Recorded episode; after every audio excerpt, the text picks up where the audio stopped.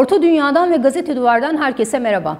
Bir taraftan gözümüz kulağımız Ukrayna Savaşı'nda elbette savaşın neye evrileceği ya da ne zaman sona erdirileceği gibi soruları e, cevap sorulara cevap bulmaya çalışıyoruz hepimiz ancak diğer taraftan hem Ukrayna Savaşı'nın gölgesinde kalan hem de Ukrayna krizinin yansımaları olarak ortaya çıkan çok önemli gelişmeler var Orta Doğu'da, Arap dünyasında. Arap dünyası bu gelişmelerin bir kısmını oldukça olumlu, bir kısmını ise endişe verici olarak değerlendiriyor. Ee, bu gelişmelerin başında ise Suudi Arabistan-İran ilişkileri var. Şimdi Suudi Arabistan ve İran arasındaki mücadele, gerginlik yeni başlamadı ve e, çok kısa sürede en azından işte birkaç görüşmeyle sona erdirilecek kadar kolay, yüzeysel bir dosyada değil, yüzlerce yıllık geçmişi ve aynı zamanda yüzlerce yıl içinde belki binlerce küçüklü büyüklü krizle şekillenmiş oldukça komplike bir konu.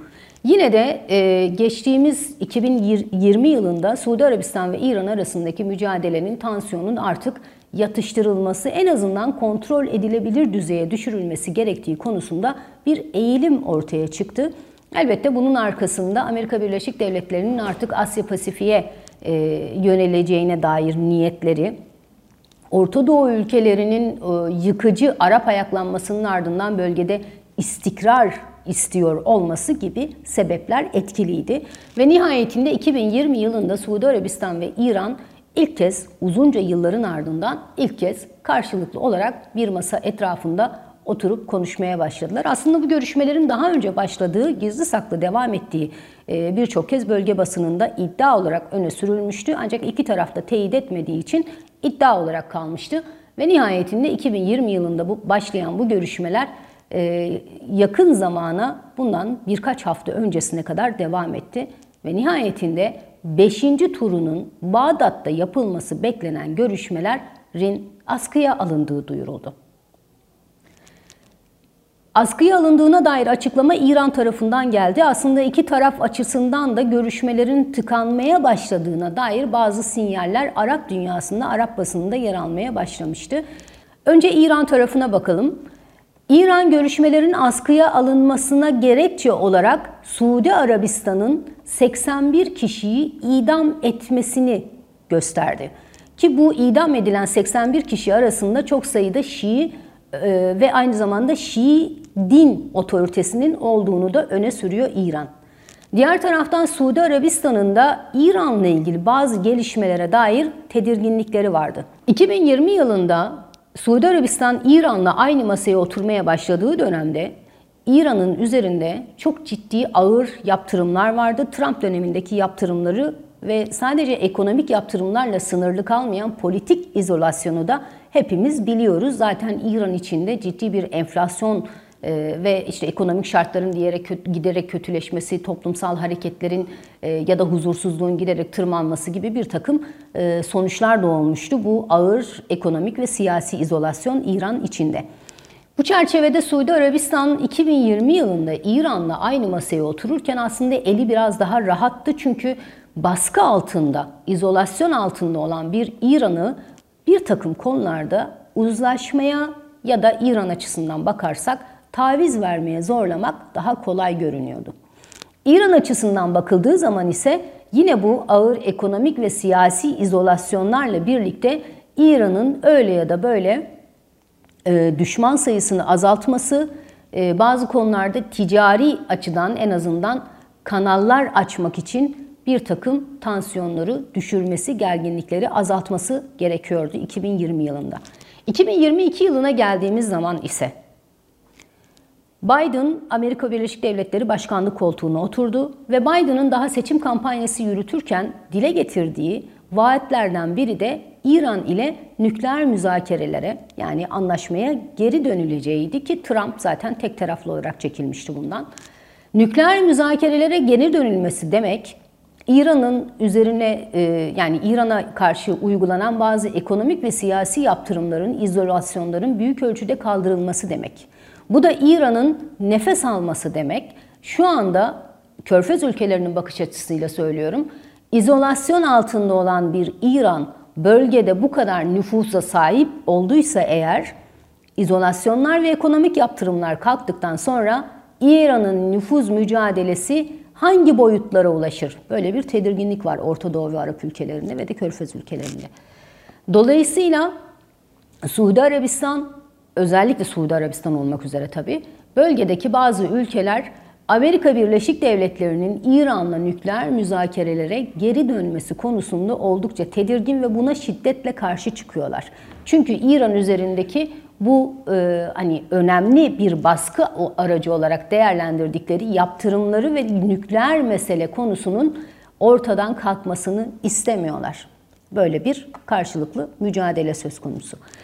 Diğer taraftan e, Suudi Arabistan açısından İran'dan e, rahatsızlık duyduğu bazı noktalar var. Bunlardan biri e, İran'ı, Suudi Arabistan'ın daha doğrusu Aramco, e, dünyanın en büyük aynı zamanda e, petrol şirketlerinden biri Suudi Arabistan'ın devlet petrol şirketi.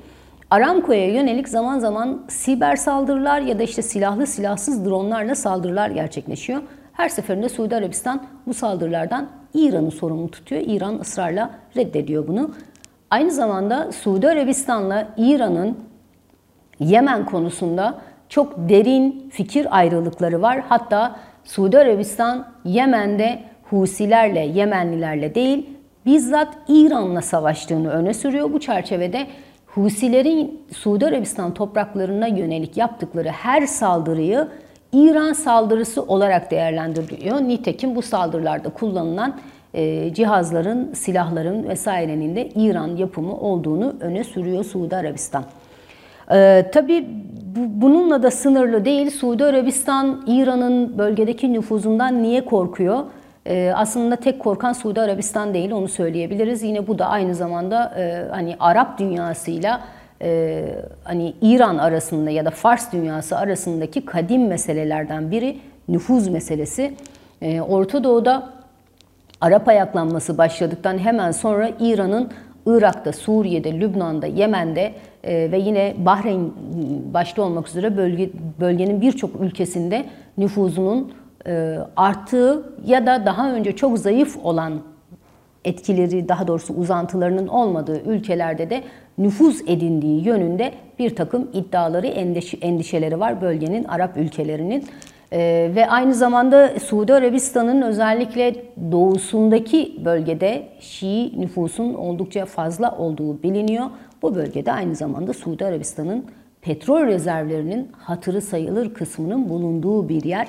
Dolayısıyla e, bölgede Şii nüfusu olan ülkeler ayrıca İran'ın kendi ülkelerindeki siyasi, politik, askeri, güvenlik vesaire gibi konularla e, ülke içlerindeki ülke içindeki daha doğrusu iç meselelere müdahil olma çabasında olduğunu söylüyorlar.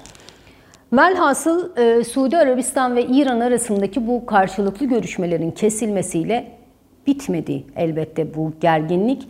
E, mesela geçtiğimiz günlerde İsrail'de Negev çölünde Suudi Arabistan katılmamış olsa da Birleşik Arap Emirlikleri, Mısır, Fas, Amerika Birleşik Devletleri ve İsrail Dışişleri Bakanlarının katıldığı bir görüşme vardı.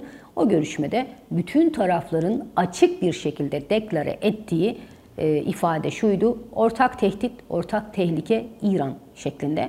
Dolayısıyla bölgede e, İran'a karşı bir cephe yükseliyor. Aynı zamanda mesela Suudi Arabistan, Amerika Birleşik Devletleri'nin Rusya'dan doğacak petrol e, boşluğunu, petrol üretimi konusundaki boşluğu üretimi arttırarak siz tamamlayın şeklindeki tekliflerini Suudi Arabistan şimdiye kadar reddetmişti.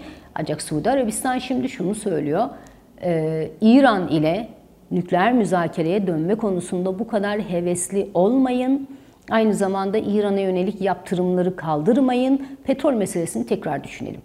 Açıkçası Suudi Arabistan'ın vermeye başladığı mesaj bu şekilde.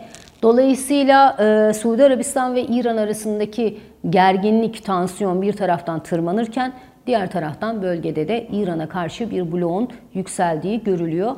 E, peki bu durum Amerika'nın nükleer müzakereler konusunda İran'la ilişkileri sürdürme, görüşleri, görüşmeleri sürdürme konusunda niyetini etkiler mi? Bunu henüz bilmiyoruz ancak Amerika Dışişleri Bakanı Blinken e, İsrail Negev'deki o zirvede e, katılımcı olan ülkelere sakin olun. Elbette İran'la çok kısa bir sürede ilişkileri düzeltmek ya da İran'a bütün kapıları açmak e, niyetinde değiliz şeklinde bir takım mesajlar da verdi. Tabi bu iki tarafı da hem İran'ı hem Arap dünyasını dengede tutma gayretiyle mi verilen mesajlar bunları henüz bilmiyoruz. Ancak önümüzdeki süreçte de İran'ı özellikle Körfez ülkeleri ve Suudi Arabistan'la ilişkileri boyutuyla daha epeyce konuşacağız gibi görünüyor. Evet, Gazete Duvar'dan ve Orta Dünya'dan şimdilik bu kadar. Gelecek hafta başka bir konuyla görüşmek üzere.